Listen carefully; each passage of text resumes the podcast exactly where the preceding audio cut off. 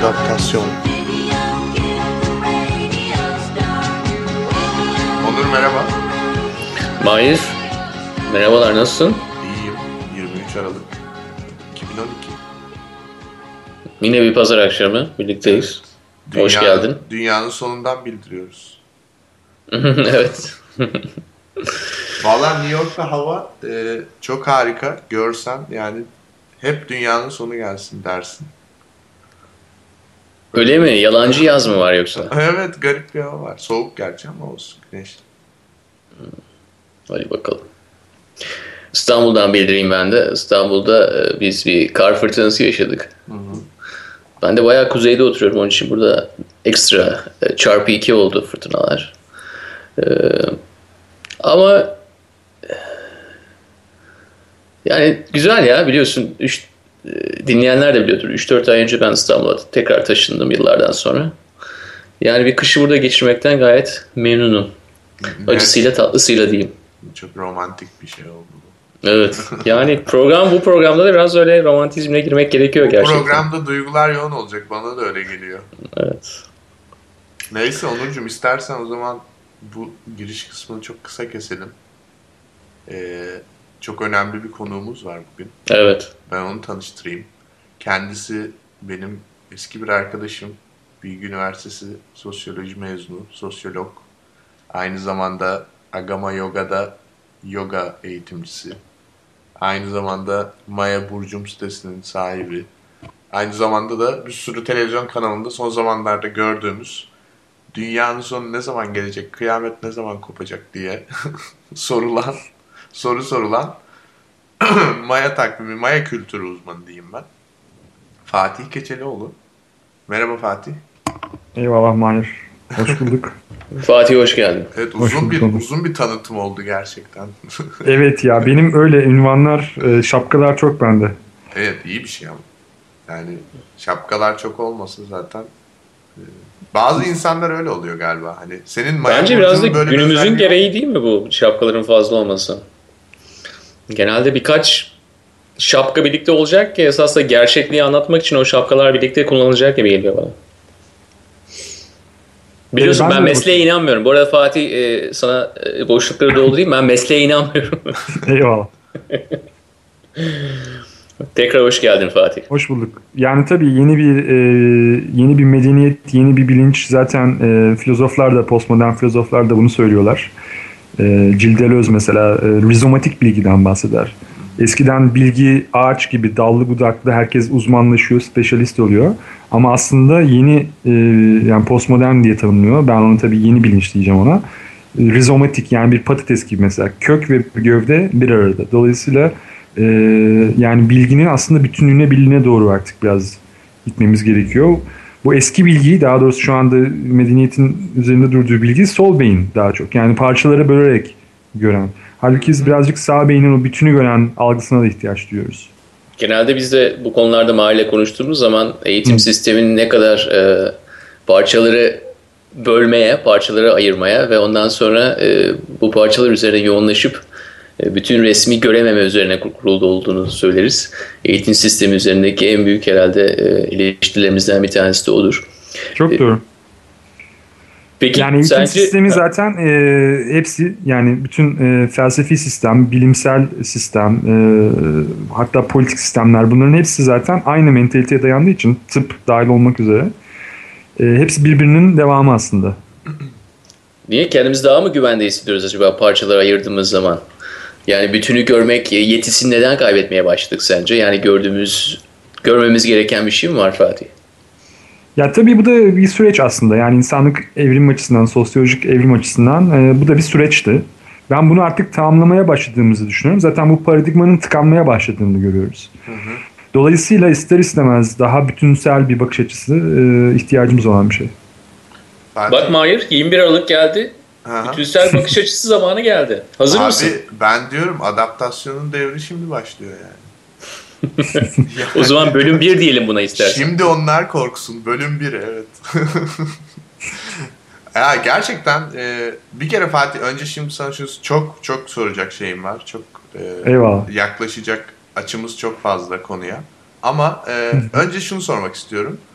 böyle bir sürü insan e, dezenformasyon alıyor. Böyle bir şekilde niye olduğunu çok anlayamıyorum ama herhalde az okudukları için falan diye düşünüyorum. Bir de bu e, short term memory zamanında kötü paylaşım devrinde diyelim. yanlış paylaşımlara maruz kaldıkları için sürekli yanlış bir takım bilgiler aldılar bu konuyla ilgili.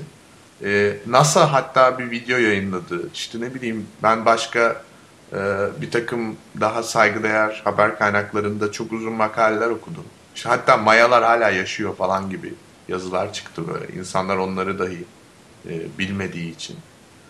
E, bu Maya kültürünün bu kadar yani bana sorarsan poplaştırılması tamamıyla bir medya şeyi propagandası. Ama sen ne, mesela poplaştırılan ne tam olarak neyi kastediyorsun? İşte kıyamet gelecek bunu mayalar bildi bilmem ne oldu falan filan. Ama sen mesela bu, bu konuyu hiç böyle bu insanlar buralarda değilken de ilgileniyordun. Bana mesela kişisel olarak ne, nedir yani bu maya olayına niye başladın? Bu adamların kültüründe bizde olmayan yani bizim yapılandırdığımız medeniyette olmayan ne varmış? Neyi yok etmişiz orada? Onu bir anlatabilir misin öncelikle? Hmm. E, kişisel hikayemle mi gideyim? Nasıl ben kişisel daha iyi olmaz mı sence? Bence kişisel hikayelerimiz her zaman için daha samimi ve eyvallah, daha doyurucu eyvallah. oluyor. Yani ben mesela e, üniversiteden mezun olurken son sene e, biraz felsefeye dalmıştım. Hocalarımızın da biraz etkisiyle işte Martin Heidegger, Baudrillard, işte Nietzsche falan kim ne varsa Derrida vesaire e, okumaya başlamıştık. Fakat Batı felsefesinde bir noktada ben e, bir doyuma ulaştım. Yani en azından şöyle bir doyuma ulaştım. Ya ben mesela master yapmak istiyordum Avrupa'da bir üniversitede felsefe master'ı. Hmm. Dedim ki ya ben bu adamları okuyarak da anlayabiliyorum. Ya adamlar dille o kadar iyi ifade ediyorlar ki düşüncelerini ve felsefelerini. Benim oraya gitmeme gerek yok. O felsefeyi yaşayabiliyorum. Avrupa'dan bir insan geldiği zaman ona adapte olabiliyorum çok rahat.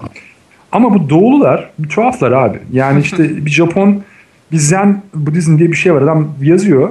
Ne demek istiyorsun sen yani anlayamıyorum. Hem de çok basit sade şeyler ama. Dolayısıyla şeyi fark ettim yani onu onu anlamak için oraya gitmem gerekiyor. Dolayısıyla ben e, doğuya gitmeye karar verdim. İşte Japonya'da bir felsefe master'ı projem vardı. O da beklediğimden çok daha zor bir şeymiş. O ortaya çıktı. İşte Japoncayı ana dilin gibi öğrenmen gerekiyor. İşte 1800 bilmem kaç kanji var. Bunları Japon öğrenciler 8-10 yılda öğreniyor. Sen hepsini bir yılda, iki yılda öğrenmen gerekiyor gibi. Böyle mucizevi eforlar gerekiyor. Neyse uzatmayayım çok. Ama o Japonya deneyimi bir yıl kaldım ben Japonya'da ve e, benim işte bu e, sağ beynimi uyandıran, doğu zihniyetini varlığında uyandıran bir süreç oldu. Daha sezgisel, mistik konulara meraklı birisi olarak döndüm ben Japonya'dan. Ve bunun üzerine de Hindistan'a da gittim zaten arkasından. O Hindistan gezisinde de araştırırken işte acaba e, yoga nedir, bunun bilimsel yanı nedir, akademik yanı nedir vesaire ya da işte kim en iyi hocadır vesaire. Bir e, sempozyumda bir Maya takvimi seminerine girdim tesadüfen. Ve bu da aslında e, dünyadaki en ünlü işte ustalardan, Maya takvim konusunda araştırmacılardan Carl Johan Kalm, İsveçli bir bilim adamı. Ve verdiği sunum çok etkiledi beni çünkü işte o güne kadar çok şey duyuyordum. Ha 2012 aydınlanacağız, altın çağ falan. İşte üçüncü boyuttan beşinci boyuta geçeceğiz falan. Mesela şu, şu en son söylediğim ifadeyi ben hala anlayamıyorum. üçüncü boyut nedir, beşinci boyut nedir? Ama Kalman o kadar e, sol beyin ve bilimsel dayanağı sağlam bir şekilde anlattı ki yani çünkü bütün çalışması buna dayanıyor. Zaten bir bilim adamı.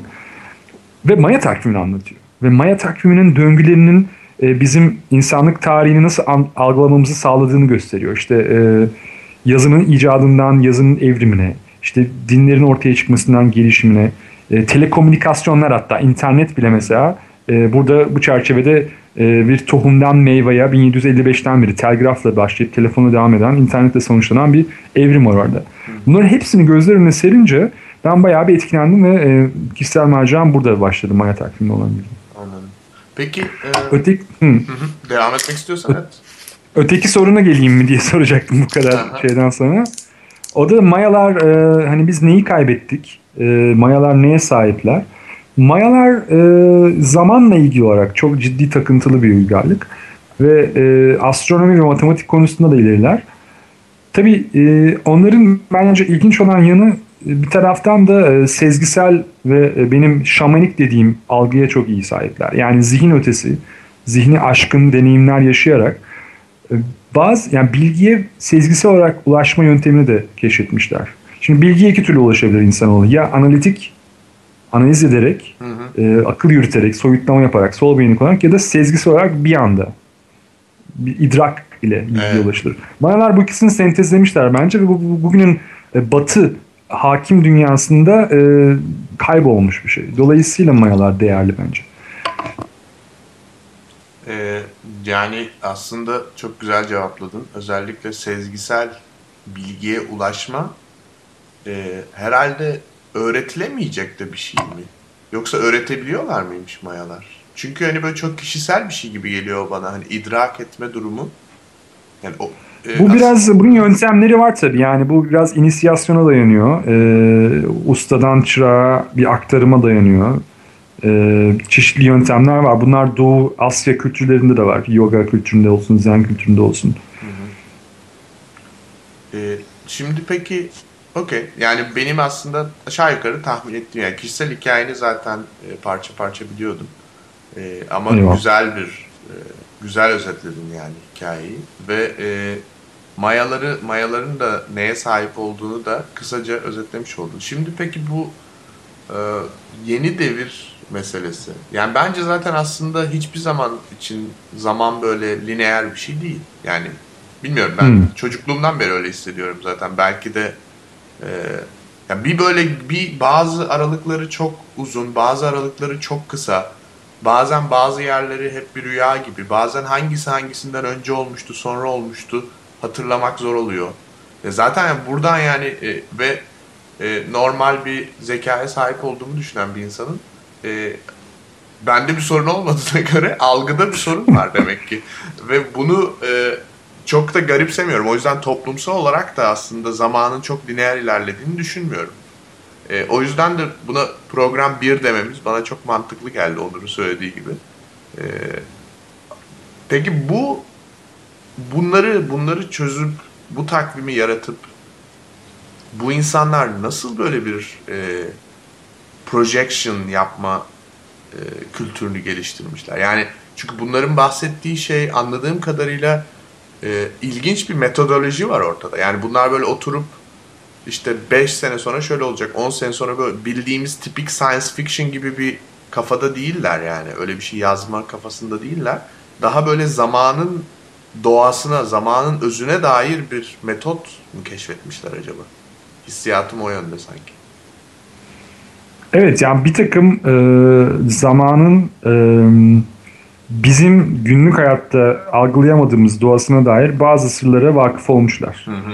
Mesela bu konuda eski Yunan'dan da bir bakış açısı sunabiliriz aslında. Eski Yunan'da zamanın iki farklı yönünden bahsederler. Kronos, bizim bildiğimiz kronolojik zaman.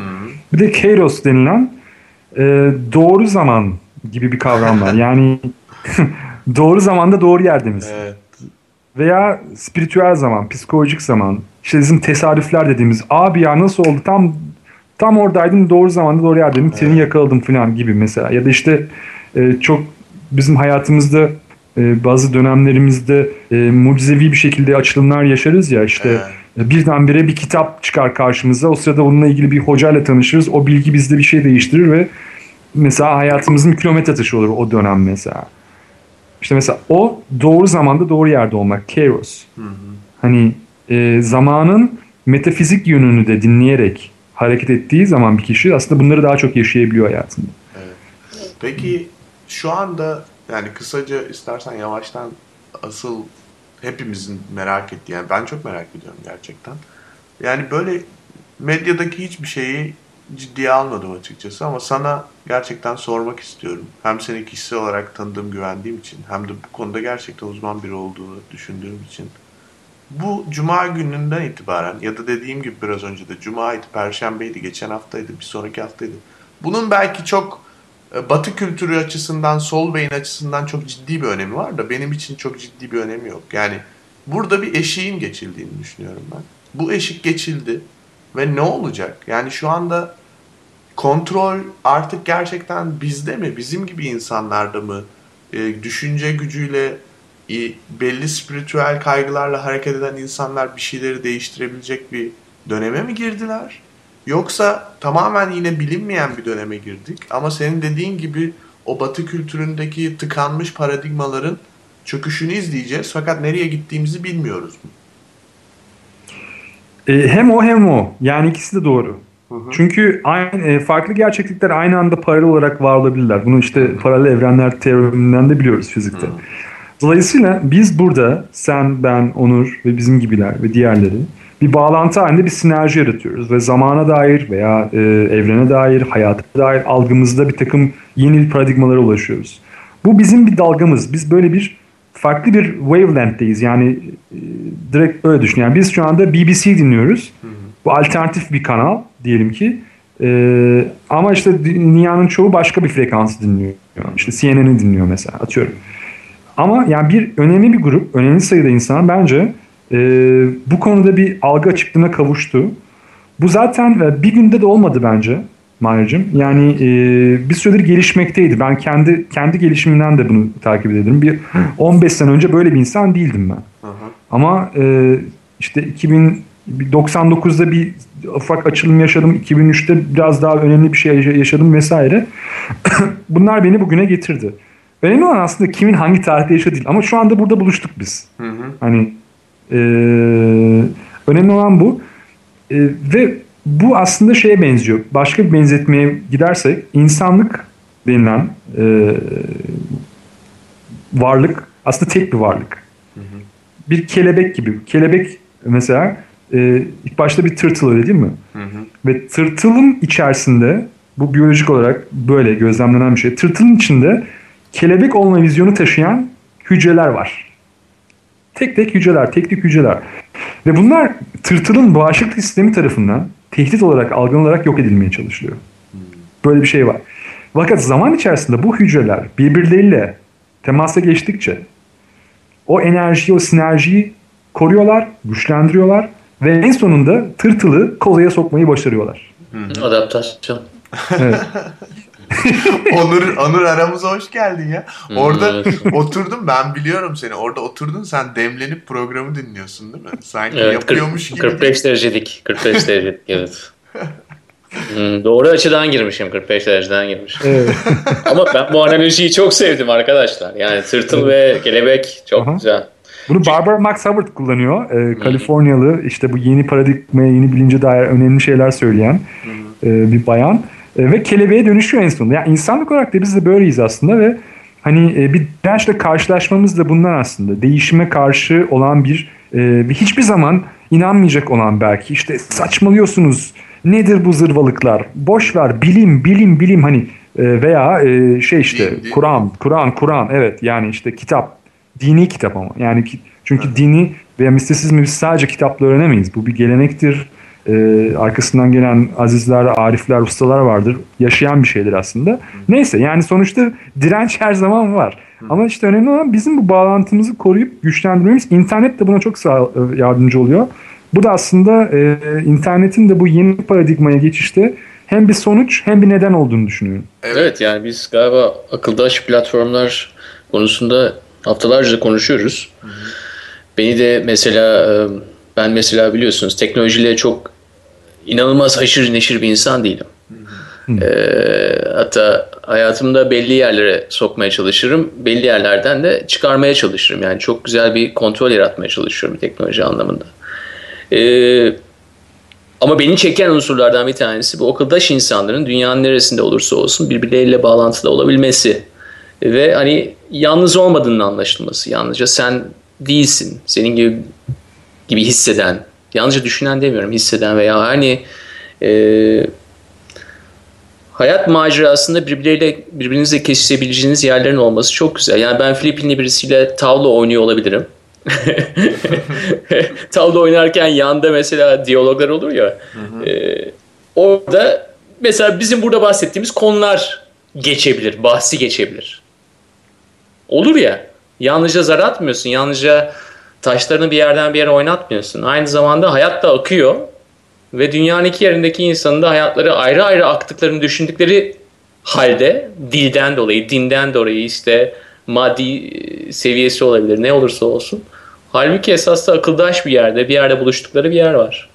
Evet. Ve ben bu evet. enerjilerin buluşmasına da gayet, gayet ulvi bir şekilde bakmaya çalışıyorum. Evet bu da işin önemli başka bir yanı. Farklı görüşler aslında e, bir, bir araya geldiğinde e, yani bir artı bir ikiden fazla ediyor. Dolayısıyla aslında hani bugün bir bilim adamı da çok önemli bir yer tutuyor bu yeni paradigmaya geçişte. İşte bir e, rabbi de çok önemli bir yer tutuyor. E, Haham. E, haham evet Türkçesi teşekkür ederim. Yani e, hepimizin farklı misyonları var ve tam olarak aslında e, aynılık durumunda değiliz. Aynı olmak zorunda değiliz.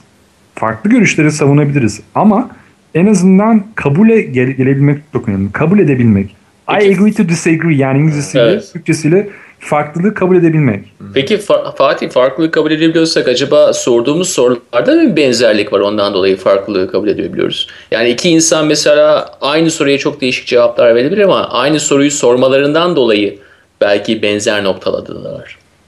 Olabilir. E, bence birazcık aynı amaçta olmalarından dolayı kabul ediyorlar. Yani sorular, sorunun samimiyetle cevabını arayan insanlar oldukları için. Yani önemli olan e, senin kendi kafanda inandığın ya da olmasını istediğin ideolojik olarak ya da politik olarak ya da maddi olarak şeyin ce- cevabını duymuyorsun.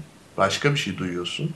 Ama gerçekten yani e, hakikat aşığısın. Öyle diyeyim yani. Hakikat yüzden, aşığısın. O yüzden de e, hoşuna gitmeyen bir şey duysan bile ona okeysin yani. Çünkü e, Karşındakinin de hakikate aşığı olduğunu biliyorsun. Evet çünkü. yani ben ben biraz öyle düşünüyorum. Çünkü e, başka türlü nasıl yani çok zor aslında ama gerçekten Fatih'in söylediği hani eğer Batı'nın deyimiyle, Batı kültürünün deyimiyle demokrasi denen bir şey varsa ki bence o Doğu'da bir takım kültürler içerisinde zaten var olan bir şeymiş. Farklılıklara açık olma, işte coexistence diyoruz ya, yani birlikte yaşama kültürü. E, bu eğer varsa zaten e, insanların sebepleri, hedefleri aynı yani. O yüzden var. Peki o anlamda ben Fatih sana bir soru yöneltmek istiyorum. Biraz önce dedin ki kitap müptelaları var. Ee, kitap ne olursa olsun. Yok bunu aslında e, din anlamında söyledim. Sadece işte Kur'an'a e, takılı kalan, sadece onu referans alan dinciler var. Hı. Bunu, buna özellikle değindim. Ama tabii genelleştirebilirsin bunu. Tabii canım. Peki niye ona sarılıyoruz? Niye dine sarılıyoruz? Yani basit bir soruyla gireyim. Dine sarılmak e, değildi benim söylediğim. Kitaba sarılmaktı. Hı hı. Tamam Din, niye kitaba sarılıyoruz? Öyle ha, kitap e, yazıya çünkü çok güç veriyoruz. Yani hı. yazılı olanın e, belirleyici olduğunu düşünüyoruz. Bu bunu dinde gördüğümüz gibi bilimde de görüyoruz. Mesela literatüre girmeyen bir şeyi bilimciler bu bilim değil diyerek resmen yani şey acaba yani böyle gözle gördüğümüz veya kulağımızda duyduğumuz şeye işte bir şey kulağımızda çınladığı zaman günde kaç kere olursa olsun çan olsun, şey olsun, ezan olsun veya gözle görüldüğü zaman mı değeri değer oluyor? Onun dışındaki duyularımızda bir böyle yeti kaybı mı var Fatih? Yok böyle bakmıyorum. Aslında gene e, sol beyin sağ beyin ikileminden gideceğim. Yani sol beyin çünkü yazıyı e, çok yani yazı sol beynin icadı ve aynı zamanda zamanı da çok lineerleştiren bir şey yazıyla beraber tarih yazılmaya başlandı. Tarih icadı. Dolayısıyla insanlık bilincinde bir lineerite, lineer zaman algısı ortaya çıktı. Halbuki Mayer'in söylediği gibi zaman döngüsel ve aynı zamanda da e, bir taraftan da e, tanrı deneyimi veya ruhsal deneyim kitaplarla sınırlanamayacak bir şey. Yani onu hiç, belki söze dökemeyeceksiniz. Bu aslında sezgisel bir şey, deneyimle ilgili bir şey. Dolayısıyla e, yani mevcut dinlerde genelde deneyimin kapat üstünün kapatılması, deneyimin yasaklanması üzerinden giden. Merak etme. Hakik mesela Mahir'in söylediği o hakikat aşığı çok güzel bir tanım. Hakikat aşıklarını sevmez e, yerleşik dinler. Ama Çünkü... yerleşik dinler de gayet çok iyi deneyimler verebiliyorlar. Yani illa bizim deyimimizde ha- hakikat aşığı olmayabilirler. Ama çok güzel deneyimler. inanılmaz bir şekilde birliktelikten doğan bir e, gerçekten yani bir ışık huzmesinden bahsedersek eğer evet orada da oluşuyor o ışık huzmesi. Enerji toplamı oluşuyorsa yani inandığın ne olursa olsun insanların bir araya gelip bir potada erimesinden dolayı zaten bir enerji birikimi oluşmuyor ve ondan dolayı da insanlar bundan hareketlenmiyorlar mı? İyi bir deneyim oluşturmaz mı bu? Yani benim esas da sana yönelttiğim soru biraz da kendimin de çözmeye çalıştığı bir şey. Hı hı. Şimdi orada din olarak e, referans aldığımız şey nedir onu biraz netleştirmek gerekiyor. Hı hı. E, benim kastım mesela şey şu çok güzel açıklayacak. E, derler ki Anadolu'da mesela bir cami İslamı vardır bir de e, tekke İslamı vardır. Hı hı. Cami İslamı e, şeriatçıdır ve her şey kurallara sığdırmaya çalışır. Kur'an'dan sadece kanun yani Kur'an bir kanun kitabıymış gibi e, ortaya çıkıyor ve deneyimi sınırlamak içindir bütün bunlar. Evet. Deneyim sınırlanır. Evet. Yani tabii ki e, ne der namaz namazını kıl kahveye git vesaire.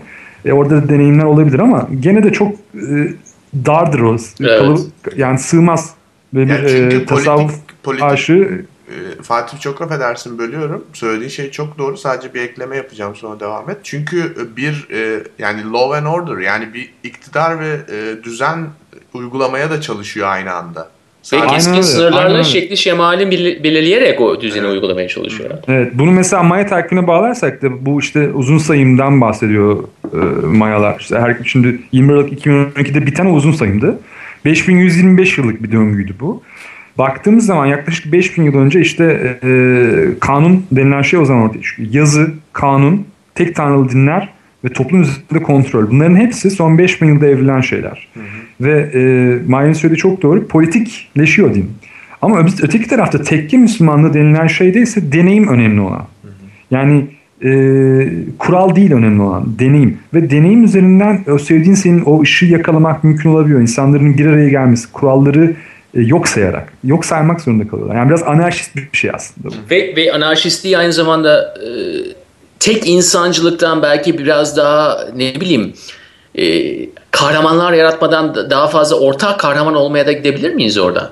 Çünkü ben mesela benim için 21 Aralık ve işte Maya takviminin anlamı nedir dersen birçok yönlü okumamız bunu mümkünken beni çeken tarafı ise kahraman kültüründen uzaklaşıp tek adamcılıktan uzaklaşıp çok sesliye doğru birlikte bir grup halinde hareket etmemiz hı hı.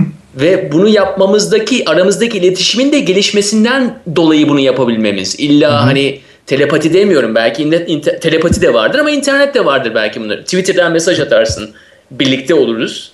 Zaten ya, telepati internet... yaparız ya bunlar arasında bir fark görmüyorum ama tek kahramandan buna geçmemiz gibi görüyorum. Zaten internet e, bir köprü eski paradigma ile yeni paradigma arasında. Yani söylediğin gibi sezgiye de götürebilecek telepatiyle eski tür teknoloji arasında bir ara teknoloji internet. Şöyle düşünebilirsin. Eskiden yazı vardı. Yazı neydi? Sağ elimizle yazıyoruz değil mi? Aslında sol beyin yönetiyor. Dolayısıyla sadece sol beyin ağırlıklı bir şey. Şu anda klavyenin başında iki elimizi birden kullanıyoruz. Orada bakabilirsin. Biz sol sağ beyin e, arasında köprü kuruyoruz dolayısıyla. Evet. E, yani yazarken sadece sol beyin yazmak, aktif olmak zorunda ama internet başındayken, klavye başındayken her iki beyin eş zamanlı aktif olabiliyor. E, bu da e, senin söylediğine katılıyorum ayrıca e, sezgisi olarak bir kova burcu çağından bahsederler. Ben e, pek kova burcu olmama rağmen bunu pek e, bu kadar yakın olacağını sanmıyorum ama tanımlanan şey aynen tarif ettiğin şey. Benden daha çok o biz bilinciyle hareket etmek. Kahramanlar evet. yaratmak yerine e, kitlelerin gücü, yani grassroots denilen işte bugün ekolojide bunu çok görüyoruz. E, kitlelerin bir şeyleri değiştirmeye başladığı bir dönemdeyiz. Bu çok güzel tabii ki. Bu da zaten... Yani, sağ beyinle de alakası var bunun. Sağ beyin de böyle bir şey. Çünkü sol beyin bireyi gördüğü için bireyleri kahramanlaştırıyor. Sağ beyin bütünü gördüğü için bütünü kahramanlaştırıyor diyebiliriz. Sevgili Fatih biraz hani politik olmak adına değil bunlar ama biz genelde tekelliliğe karşıyız. Ee, yani tekelliliğe mi? Tekelliliğe. Neyse yani monopol, tekel. Aha, evet. Düşüncede tekel. tekel. Ee, ekonomide tekel. Ee, teknolojide evet. tekel. Evet. Ben de karşıyım. İyi fikir. İyi fikir. Ama galiba fikirden daha fazla artık realizasyona geçtiğimiz bir dönemdeyiz. Yani sen de bu konuda e, katılır mısın bize? Daha fazla bu tarafa gidiyor muyuz gerçekten? Yani ister adına e, Age of Aquarius'ta işte şey kova burcu çağı olsun. E, ne olursa olsun ama gidişat olarak eğer zamanı lineer olarak algılayıp bir yere doğru gittiğimizi varsayarsak sence o tarafa doğru gidiyor muyuz? Buna söyleyebileceğim tek bir şey var. Nedir? İnşallah. İnşallah. çünkü gerçekten o kadar kolay bir şey değil bu. Yani ciddi bir eski paradigmanın kriziyle yüzleşmek zorundayız. Yani evet. eski bir şey yıkılmadan yeni bir şeyin yaratılması çok zor. Bunu e, herkes söylüyor bu konuda e, konuşmalar yapan işte Haktan Akdoğan bile artık bunu söylüyor. Dolayısıyla da bir kriz krizler dönemi de geliyor. Yani, yani böyleyse zaten e, bunu iç maya takvimini, ezoterik bilgileri bir yana koyalım. Zaten hani politik olarak baktığımızda, ekolojik olarak baktığımızda, sosyolojik olarak baktığımızda dünyanın krizleri zaten bangır bangır geliyor. Kapıyı yumrukluyorlar yani. Dolayısıyla da bu krizlerden biz ne çıkaracağız? Barbara Max Hubbard da bunu söylüyor çok güzel. Yani şu anda dünyada bir enerji e, zirveye doğru gidiyor. Bir şeyler oluyor. Bir kaynama noktasına doğru gidiyoruz. Buradan ya bir sıçrama yapacağız ve yeni paradigmaya geçeceğiz veya kendi kendimizi yok edeceğiz. Dolayısıyla burada aslında her bir bireyin senin, benim, hepimizin tek tek yapabileceği çok şey var. Yapabileceğimiz çok büyük katkılar var. Kaos teoremi gereği yani kaos arttıkça e, bizim olan biten olan etkimiz de daha fazla olabiliyor. Peki ne Zaten... yapabiliriz Fatih? Yani çok böyle pragmatik bir, bir, bir reçete beklemiyorum açıkçası. Ama düşünüyorum yani kendi adıma. Mesela biz bu programı yapıyoruz. Bir, yani bunu bir amaç uğruna yapmıyoruz. Bunu hissettiğimiz için yapıyoruz diye düşünüyorum. Ee, ama mesela bu yapılabilecek şeylerden biriymiş gibi geliyor bana. Hani bir sürü insan belki önemsemiyor olabilir ama e, böyle şeyler mi yapmalıyız mesela? Nasıl şeyler yap? Sokağa mı çıkmalıyız? Bir şeyler mi almalıyız falan? Ya da hiçbir şey almamalıyız. Banka hesabı. Ya bunlar hep yapıldı. Şimdi... Fatih. Bence sen Mahir'e bir reçete ver burada. Hocam yaz bir altına da bir imzanın çaktığı ki doktor sana bunu tembihliyor. Şimdi e, Mahir'in nereden geldiğini de ben biraz görebiliyorum tabii. Biraz devrimci bir e, background arka tarafta. Şimdi o konuda da şunu söyleyeceğim. Mesela e, güneş patlamalarının, solar max dönemlerinin insanlık üzerindeki etkileri gözlemlenmiş. Şu anda da biz solar max'tayız. 2012-2013 güneş e, lekelerinin zirve yaptığı bir dönemdeyiz. Tarihteki e, güneş solar max'larda mesela her iki Rus devrimi de Solar Max'a denk düşüyor. Amerikan devrimi, Fransız devrimi, bir 68 hareketi.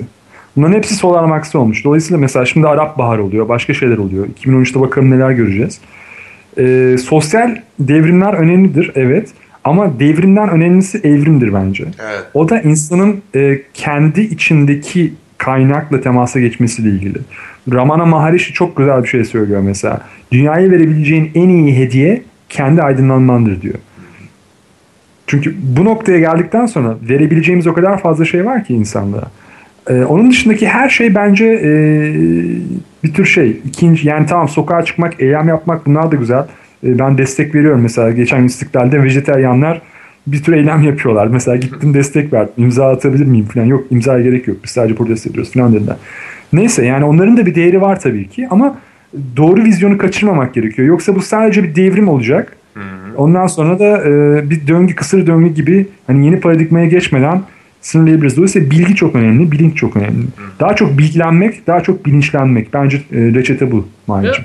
Ve aynı zamanda hocam sana bir e, asistan doktor olarak, burada doktor sana reçetini verdi ama asistan doktor olarak şunu söyleyebilirim. Yani keskin virajlar beklemeye gerek yok değişim denilen şey an ve an, saniye ve saniye zaten etrafında oluyor. Senin vücudun içerisinde oluyor. Onun için belki de 21 Aralık gibi tarihlerin bizde yarattığı işte keskin breaking point deriz ya ona kırılma noktası.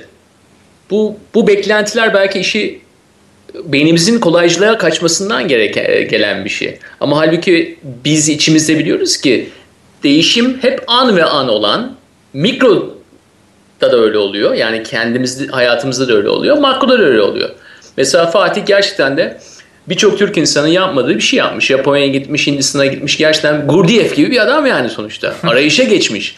Ama hepimiz bunu yapmıyoruz. Far veya farklı farklı şey, şekillerde veya seviyelerde yapıyoruz ama hepimizin bir hayat serüveni var. Ve her zaman da böyle keskin virajlarla olmuyor. O değişimi bence tartabilecek, anlayabilecek seviyeye gelirsek bazen de bu noise'ı kapatıp bunu yaparsak Mahir. Hı hı. Etrafta o noise'lar var ya hayatımızı e, televizyon olsun, işte internet olsun, ne olursa olsun, teknolojik veya non-teknolojik ne olursa olsun onları kapatıp biraz daha içimizi duymaya başlarsak belki de mikro seviyede duymaya başladığımız zaman makro seviyede de gelişimleri daha rahat tartabiliriz gibi geliyor. Çok güzel gözlemler Onur. Ee, bu birazcık Morpheus gibi konuştum. Açık Yalnız Morpheus'la ilgili size bir hikaye anlatayım. Ee, ve ondan sonra e, konağa bırakacağım. Morpheus'la e, bir e, spa'ya gitmiştim ben. E, bu spa'da işte sıcak havuzdan soğuk havuza giriyorsun. Sıcak havuz kocaman bir havuz. Daha Matrix çekilmemiş. Yıl 1997. Lawrence Fishburne Morpheus'u oynayan arkadaş değil mi? Evet. Neyse sıcak havuza girdim ben. Çok da sıcaktı. Ondan sonra yanında da küçücük bir soğuk havuz var. Amaç da Fatih sen bilirsin büyük ihtimalle. Oradaki sıcaklıktan sonra hani o soğuğa girmek ve oradaki titreşimleri hissetmek değil mi? Yani bir şekilde sıcakta tamam iyisin ama bir süre sonra çok sıcak geliyor ama soğuğa gittiğin zaman da yani toplamda 10-15 saniye falan kalabiliyorsun. Evet. Vücuda o şoku yaş- yaşatmak evet, ve o evet. deneyimi yaşatmak. Sonra ne? tekrar sıcağa. Bravo. tabii tabii çünkü kardiyovasküler sistemi e, ve kalp sistemini geliştiriyor. Detoks ediyor. Sıcak soğuk sıcak soğuk. Faydalıdır çok. E? Aynen öyle. Sıcaktan soğuğa girdim ama soğuğa girdiğim zaman e, önce soğuk tabii bütün iliklerime kadar işliyor. Ve soğuk havuzu küçük yapmışlar. Yalnızca iki kişi sığıyor. Bir baktım karşımda gözlerini kapatmış bir e, siyahi bir adam. Lawrence Fishburne. E, büyük ihtimalle herhalde Morpheus rolüne hazırlanıyordu. Sonradan düşündüğüm zaman bu hikaye onu düşünüyorum. Herhalde Morpheus rolüne hazırlanıyordu. Böyle meditasyon yapmış bir şekilde önümde duruyordu. E, tabii ben de yani böyle bir işte Türkiye'li bir arkadaş yanımda böyle kocaman bir e, ve çıplak tabii biliyorsun böyle yerlere genelde çıplak geliyor. Gayet ilginç bir tecrübe yaşamıştım ama sonra Matrix çıkıp onu Süreyya sinemasında izlediğim zaman aklıma gelmişti. Ya evet ya ben bir yıl önce bu adamla bu soğuk havuzda takılıyordum. Acaba bir şekilde titreşimlerimiz birbirine geçmiş midir? Yani umarım yalnızca titreşimlerimiz geçmiştir. Başka bir yerimiz değmemiştir birbirine ama. ya evet bu Matrix gerçekten çok önemli bir e, paradigma açtı. E, artı biz bunu Mahir ile beraber izlemiştik. Hatırlar mı Mahir bilmiyorum ama. Nerede izlediniz bu arada? Hangi sinemada hatırlıyor musun? İstiklal'de Fitaş'ta izledik. AFM hmm. Fitaş'ta. Yanılıyor muyum? Ben hatırlamıyorum. Ben hatırlıyorum. Ama şey hatırlıyorum. o kadar kalabalık bir matineydi ki evet. e, böyle kaybolmuştuk falan. Seni bir yere, beni bir yere. Zaten e, iki kişi daha vardı bizim. iki arkadaş daha vardı. Fatih bir şey var ki bizi çekiyor yani bu tür tecrübeleri doğru çekiyor insanlığı. İşte ister filmler yazılsın, yapılsın, ister kitaplar yazılsın, ister işte 21 Aralık'la ilgili medya kalabalığı olsun, noise olsun, ne olursa olsun neden bu kadar değişime karşı bir açlık var hepimizde? Yani ne olursak olalım, kim olursak olalım neden öyle bir açlık var sence? Yani işte o bence daha içeriden gelen bir çağrı zaten. O işte kelebek ve tırtıl metaforunu hatırlarsan bu biraz misyon gibi. Yani bunu zaten hatırlama hatırlama aşamasındayız biz. Hatırladıkça bir şeyler yaptıkça bununla ilgili daha iyi hissediyoruz kendimizi. Ee, bizim için bu böyle. Dünyanın da ihtiyacı var buna. Artık eski e, eskiyi bırakma zamanı. Yani çok krizler yaşıyor çünkü eski. E, dünyadaki savaşlara bak hala e, yani din ve bilim çatışması, işte evrim mi yaratılış mı işte çok fazla çatışma. Doğu batı karşıtlığı, felsefede olsun. Bunların aşılması gereken bir dönemdeyiz. Demek ki bu ikilikten biraz daha birlik yani ikiliğin belki öğrenme e, turlarını tamamladık. Belki de daha ne bileyim ruhani anlamda galiba biraz daha e, ortak hareket e, anlamına da gelebilir. Evet, evet. Yani mesela Taoizm'de bunu çok güzel anlatırlar. Ee, yani aslında kutupluluğun ötesine geçebilmek. Dolayısıyla her iki kutba da ihtiyacımız var. Hı hı. Tıpkı e, işte bir çocuğun olması için veya bir e, cinsel ekstaz halinin yaşanması için erkek ve kadına ihtiyaç olması gibi. Bizim de hem sol beyine hem sağ beyine hem bilime hem e, mistisizme ihtiyacımız var. Hem doğuya hem batıya ihtiyacımız var. Bunun biri kötü demek değil bu. İkisi de çok güzel. Evet. İkisinin arasındaki köprülerin kurulması. Taoizm diyor ki yin ve yang yani işte erkek ve dişi e, karşı kutuplar bir araya geldiğinde hiçlik ortaya çıkıyor. Yani eksi ve artı nötrlediğinde birbirini nötrlendiğinde hiçlik de aslında e, kötü bir şey değil tabii ki işte nirvana, samadhi bilincin en yüksek seviyesini sembolize ediyor. Oraya ulaşabilmemiz için her iki kutubu e, kullanmalıyız. Esasında önündeki e, imkanları kullandığın zaman hiçliğe gelirsen eğer diyorsun tam bir denge noktasındasın. E, Mahir evet. dünyayı dolaşıyorsun. Sen de çeşitli işte bir sürü insanla konuşuyorsun, tartışıyorsun, konuşuyorsun ve hmm. onlardan birçok hikayeler dinliyorsun. bu taraflara karşı nedir insanlardaki mail? Yani konuşmaya meyilliler mi yoksa böyle işte e, duyduğumuz Twitter'daki geyikler gibi ha işte ben e, Avustralya'daki arkadaşımla konuştum dünyanın sonu gelmemiş herhalde bizde de gelmeyecek falan gibi böyle olayı şakaya vurmamı. Yani insanlar gerçekten bu konuda otantik bir şekilde e, biraz önce dediğimiz gibi hakikati arar bir şekilde birbirleriyle konuşabiliyorlar mı? Ya ben şöyle düşünüyorum. Benim tanıdığım bir takım insanlar var hayatta ve bunlar her türlü kültürden ve her türlü inançtan ve her türlü e, şeyden, e, ırktan ya da ırk ırk olayını çok çözemiyorum ama milletten diyelim e, geliyorlar ve bunlar böyle e, yani hiçbir şeyin fanatiği değiller kesinlikle e, ve kesinlikle beraber farklı yerlerden gelmiş olmamıza rağmen bir şeyler yapmaktan heyecan duyuyorlar ve e, kendi fikirlerini anlatmaktan, senin fikirlerini dinlemekten heyecan duyuyorlar. Ve hiçbir institution'a ihtiyaç duymuyorlar. Herhangi bir enstitü altında toplanma gereksinimi hissetmiyorlar. E, ben bu tip insanların bu dönemi gördüğünü aynen Fatih'in dediği gibi bunlar da bir günde görmediler. Bence herkesin kendi kişisel gelişiminde uzun yollar kat etmesi gerekti. E, gördüğünü ve buna dair planlı olmadan ama sezgisel olarak çok iyi hareketler yapacağına inanıyorum nedense. Hani böyle pozitif bir bakış açım var. Ee, daha e, farklı farklı insanlarla tanışıyoruz. Senin dediğin gibi, Fatih'in de biraz önce dediği gibi e, o geyikleri yapan insanlar da var. Evet. E, ama benim o insanlarla bir sorunum yok. Yani evet anlıyorum. E, evet. Onlar sadece aslında e, bir şeyleri çok fazla önemsiyorlar bence hayatta. Yani kendilerine öğretilen ya da işte sistemlerin içinde öğrendikleri belli şeyleri çok fazla önemseyip başka birinin söylediği ilginç bir şeyi çok dışlıyorlar ve e, bunun da çok doğru ve hakikatçi bir hareket olduğunu düşünüyorlar. Oysa ki her zaman için bence birazcık şüpheci olmakta fayda var. Bize söylenen Yani işte şey... o en başta söylediğim kabule gelebilmek önemli. Yani evet. öteki kötüdür, yanlıştır diye dışlamak yerine ya bir dur, bir dinle. Onun da yani hiçbirimiz mutlak hakikati bilmiyoruz. İşte zaten olayın hatta oyunun diyesim geldi şimdi. Eğlenceli olmasını sağlayan şey evet. şey bu. Evet, Hepimiz bir bulmacanın parçaları gibiyiz. Evet. Ancak bir araya geldiğimizde anlamlı oluyoruz. Hı hı. Zaten bunu fark ettiğimizde o bütünlük, o büyük resim orada işte ortaya çıkacak. Şu anda giderek o bulmaca parçaları olarak biz birbirimizi buldukça dünyada da bir şeyler değişiyor. Hı hı. Bu devam etmeli, devam etsin inşallah. Güzel olan bu. Şimdi ben bunun devam etmesine dair çok böyle e, senin de söylediğin gibi Fatih şu andaki paradigmadan hareketle bir takım şeyler de örnekleyebiliriz. Yani bu e, tamamıyla kapital üzerine kurulmuş olan ama aslında çok ilginç sonuçları olan bir teknoloji çağındayız şu anda. Yani insanlar aslında startup kültürünün kökenine falan baktığımızda e, biz bunu daha önce de Onur'la konuşmuştuk. Akıldaş olan insanların bir araya gelip oluşturdukları yapılar yani. E, benim sadece kafamdaki tek soru işareti açıkçası hani bu dönemde izlemek istediğim, görmek istediğim, üzerine düşünmek istediğim şey belki senin bir cevabın vardır Fatih buna ya da en azından bir hissiyatın vardır diyelim. E, bu bireyselci ve de maddiyatçı sistem nasıl evrimleşecek? Yani nasıl e, steplerden geçeceğiz? Ben bunu çok merak ediyorum. E, bir takım fikirlerim var ama e, nasıl başaracağımızı ya yani eski sistemlerle bir devrimle bu işin ol, olabileceğine inanmıyorum ben. Çünkü o da e, dediğin gibi tıkanmış olan paradigmanın e, kontra teorisidir aslında. Hocam Çamlıca'ya insin uzaylılar bak. o antenlerin olduğu yere var ya. uzaylılar bir insin.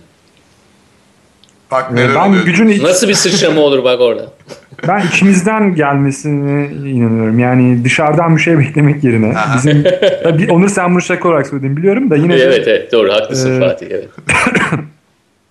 Nail'cim bitirdin mi sen sorunu? Evet yani ne demek istediğimi anlamışsındır diye tahmin ediyorum. Ya eski paradigmanın kontra teorileri ya da eski paradigmanın bir şeyleri yıkıp değiştirme mantığıyla bir şeylerin çözülebileceğine inanmıyorum ben. Burada önemli olan e, bu transformation, bu değişim, bu dönüşüm nasıl gerçekleşecek? Ve Fatih içimizden mi gelecek diyorsun? İlla yani evet. dışarıdan hiçbir şey olmayacak diyorsun bu konuda.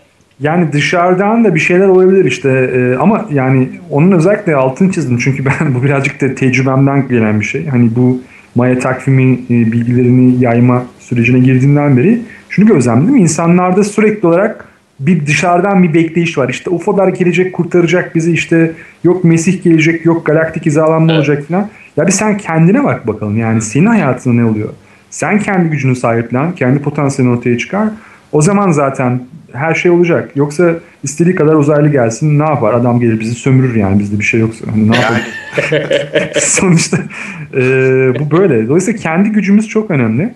E, kendi çabalarımız çok önemli. Bunu Haktan Akdoğan bile söylemeye başladı. Ben mesela ondan mesafeliydim e, açıkçası bir, bir dönem. Hı hı. Ya, e, dostumuz vardı e, bir süredir ama hani söyleminde e, ki bu e, kendi gücümüzü sahiplenmeliyiz mesajı yoktu. Ama son dönemlerde var. Onda da var. Dolayısıyla e, bu noktaya gelebilmek çok güzel bence farklı görüşlerden de olsa. Evet. Ve biliyorsun hani buradaki biraz önce yaptığım şakanın da esas da özünde o var. Yani birbirimizin değerini anlamamız için genelde dışarıdan bir e, etkinin bir zaman zaman da bir tehditin gelmesi gerekiyor. Hı hı. E, farkındalık seviyemizi yükseltmemiz zeneden işte bu tür e, dışarıdan gelen ne zaman güvenliğimiz, emniyetimiz söz konusu olduğu zaman işte o e, primal değil mi? Yani hı hı. işte biz daha böyle 100 bin, 200 bin yıl önceden, daha öncesinden gelen güdülerimiz ortaya çıkıyor. Birden birbirimize dönmeye başlıyoruz. Aa diyoruz işte bireyselliğini unutup bir anda belki hı hı. E, biraz önce Mahir'in de sorusundaki öz oydu zaten. Yani biz işte servet birikimi olsun, kariyeri olsun hepimiz böyle bir at yarışında gibi devam ediyoruz. Ama bunun içerisinde ruhani olsun veya işte e, topluluk anlamında bir şeyler gerçekleştirdiğimiz zaman nasıl bunu yapacağız? Hangi nedenlerle bunu yapacağız? Eğer servet birikimine veya kariyerimize iyi değilse onu yapmayacağız mı o zaman? Hmm. E işte böyle tehdit olduğu zaman belki biraz da bir şeyleri hatırlatıyor gibi geliyor bana. E, Fatih sonlara doğru yaklaşıyoruz. E, sana şunu sormak istiyorum. Gün ve gün kişi olarak bunları yaşadığın zaman düşünüyor musun? Yani böyle ben bugün de yani ben bir amatör olarak mesela düşünüyorum. İşte diyorum ki 21 Aralık oldu. Şimdi 22 Aralık oldu. İşte böyle hep böyle bir bir beklenti var. Acaba bir değişiklik var mı falan gibi böyle bir e, reaksiyon oluyor. E sen tabii bu konulara çok hakim olduğun için e, biraz da merak ediyorum. Yakalamışken sorayım. Kişi bazında bir şeyler bekliyor musun? Um, tam olarak anlamadım soruyu. Yani şöyle söyleyeyim. Bu konulara çok hakim bir insansın. Makro seviyede anlıyorsun ama mikro seviyede mesela dedin ki 2003 yılında şöyle bir atlama gerçekleştirdim. Aha, 99 evet. yılında böyle bir atlama gerçekleştirdim. Yani şu anda belki değişen frekanslarla birlikte kendinde be- belli bir değişimleri ölçüyor musun veya bunları ne bileyim kayıt altına alıyor musun? e, bu kadar makro seviyede bunlara hakim olan bir insan aynı zamanda mikro seviyede ne nelerden geçiyor diye insan merak ediyor. Aha. Yani e, işte o sol beynin kariyer yaklaşımı tabii ki benim hayatımda da var. Bir şekilde kariyerler yaratıyorum. Mesela işte Maya astrolojisi, Maya burçları listesi kurdum. O bir, o bir kanal kariyer. İşte Agama Yoga'da yoga öğretmeni oldum. O başka bir kariyer. Ve tek tek kariyerler var. Ama işte orada da biraz rizomatik bir durum var. Yani tek bir konuda specialist değilim. en başta kayıttan önce konuşuyorduk farklı şapkalarım var diye. Ee, yani e, o farklı şapkalar çok önemli aslında. Hepimiz de birazcık bu multi kariyer olayından da girerek aslında pragmatik yaklaşırsak e, yeni yeni yaklaşıma, yeni dünyaya katkıda bulunabiliriz diye düşünüyorum. Ee, bu da aslında birazcık bizi özgürleştiriyor tabii ki. Yani bir taraftan müzik biliyor olmak, bir taraftan matematik biliyor olmak ve fizik biliyor olmak mesela. Bunların arasındaki köprüleri kurmak mesela çok başka bir yere getirebilir bizi bilinç olarak. Böyle bakıyorum. Kendi ha, senin soruna gelirsek de kendi hayatımda böyle şeyler oluyor. Şu sıralar e, yeni bazı meraklarım ve ilgilerim var. Yeni kariyer bebe, bebelerim var. Onlar da büyüdüğü zaman bakalım e, nerelere getirecek. Bence hepsini bütünleyecek diye düşünüyorum. Çünkü e, bilgi bir bütün sonuçta. Gayet güzel. Ben Türkiye'de hmm. olması gereken insanlar diye bir liste yapsam herhalde e, Fatih Tekelioğlu orada yerini bulur. Haydar Ya Dümen. Onur nasıl- Haydar Dümen'i de çok seviyorum. Onun nasıl bir liste oğlum bu? İnanılmaz bir liste. Şöyle İsmine söyleyeyim. hasta oldum. Olması Ya neden böyle bir liste var gerektiğini duyuyorum biliyor musun? 75 milyon içerisinde bazen işte böyle bireysellik anlamında yani öyle bireylerle karşılaşıyorsun ki karşı karşıya geliyorsun ki ya iyi ki de bu insanlar var diyorsun. İyi ki de bu insanlarla aynı e, ulustanım veya aynı e, işte TC Anadolu Pasif- abi. Anadolu unutulmuş bir uygarlık mayalar gibi. Ben buna inanıyorum. kesinlikle. Bütün bize öğretilen Osmanlıydı, oydu, buydu. Onların hepsinin altında bir uygarlık var yani ve e, aslında Evet çok şey var. onun Evet. onun kültürünü taşıyoruz yani. Bunlar tesadüf değil yani. Bu Evet insanların ve toprağın da bir rezonansı var. Toprakta titreşen bir şey var. Orada illa her şey yazılı kültürle olmuyor. Şarkılar, türküler de değil. Ama yani toprağa işleyen, içine işleyen bir rezonans var ve bunun biz hepimiz bunun bir parçasıyız. Ee, yani böyle 5 program daha yapabiliriz Fatih seninle açıkçası. E, part 2 yapalım yani. Yapalım. için. Ee, ama yani her şeyi makul bir seviyede tutmaya çalışıyoruz. Bu çok güzel bir başlangıç oldu diye düşünüyorum. Yani senin de vaktin olduğunda mutlaka yeniden e, seni programa almak istiyoruz. Ama hiç mesela böyle şey konuşmadık ki onlar çok hoşuma gitti. 50 dakikadır değişimden 21 Aralık dönüşümünden falan bahsediyoruz. Ne gezegenlerin hizalanmasından konuştuk ne bilmem ne meteor bize çarpacakmış falan ondan konuştuk. Aslında kendimize dair bir şeyler anlattık. Ee, bu açıdan da eğer ki dinleyen birileri varsa onların da neyin değiştiğini anladığını umuyorum. Hiçbir şey anlatmamış olmamıza rağmen diyeyim. A show about nothing yani. Seinfeld giymiş ya. Fatih çok teşekkür ediyorum gerçekten. Ben teşekkür ederim Maya'cığım. Çok keyifli oldu gerçekten. Onur sana da teşekkürler. Fatih ben de çok çok teşekkür ederim. Ee, o zaman görüşmek üzere diyorum yakın zamanda ikinize de. Eyvallah görüşürüz. Görüşmek üzere. Yeni yılda görüşmek üzere. İyi pazarlar.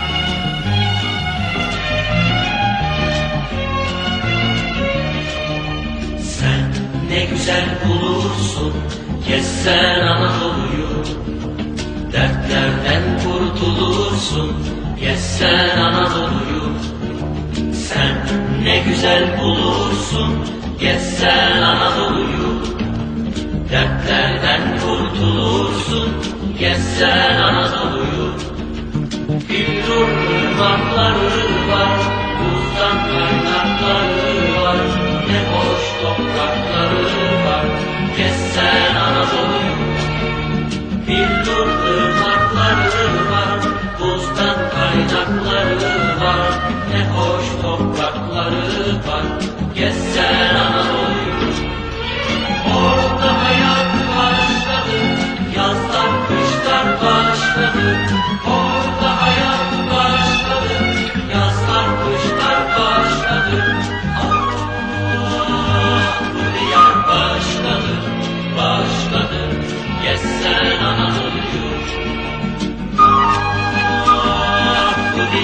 Diyar başladı, başladı. Gezsen Anadolu'yu.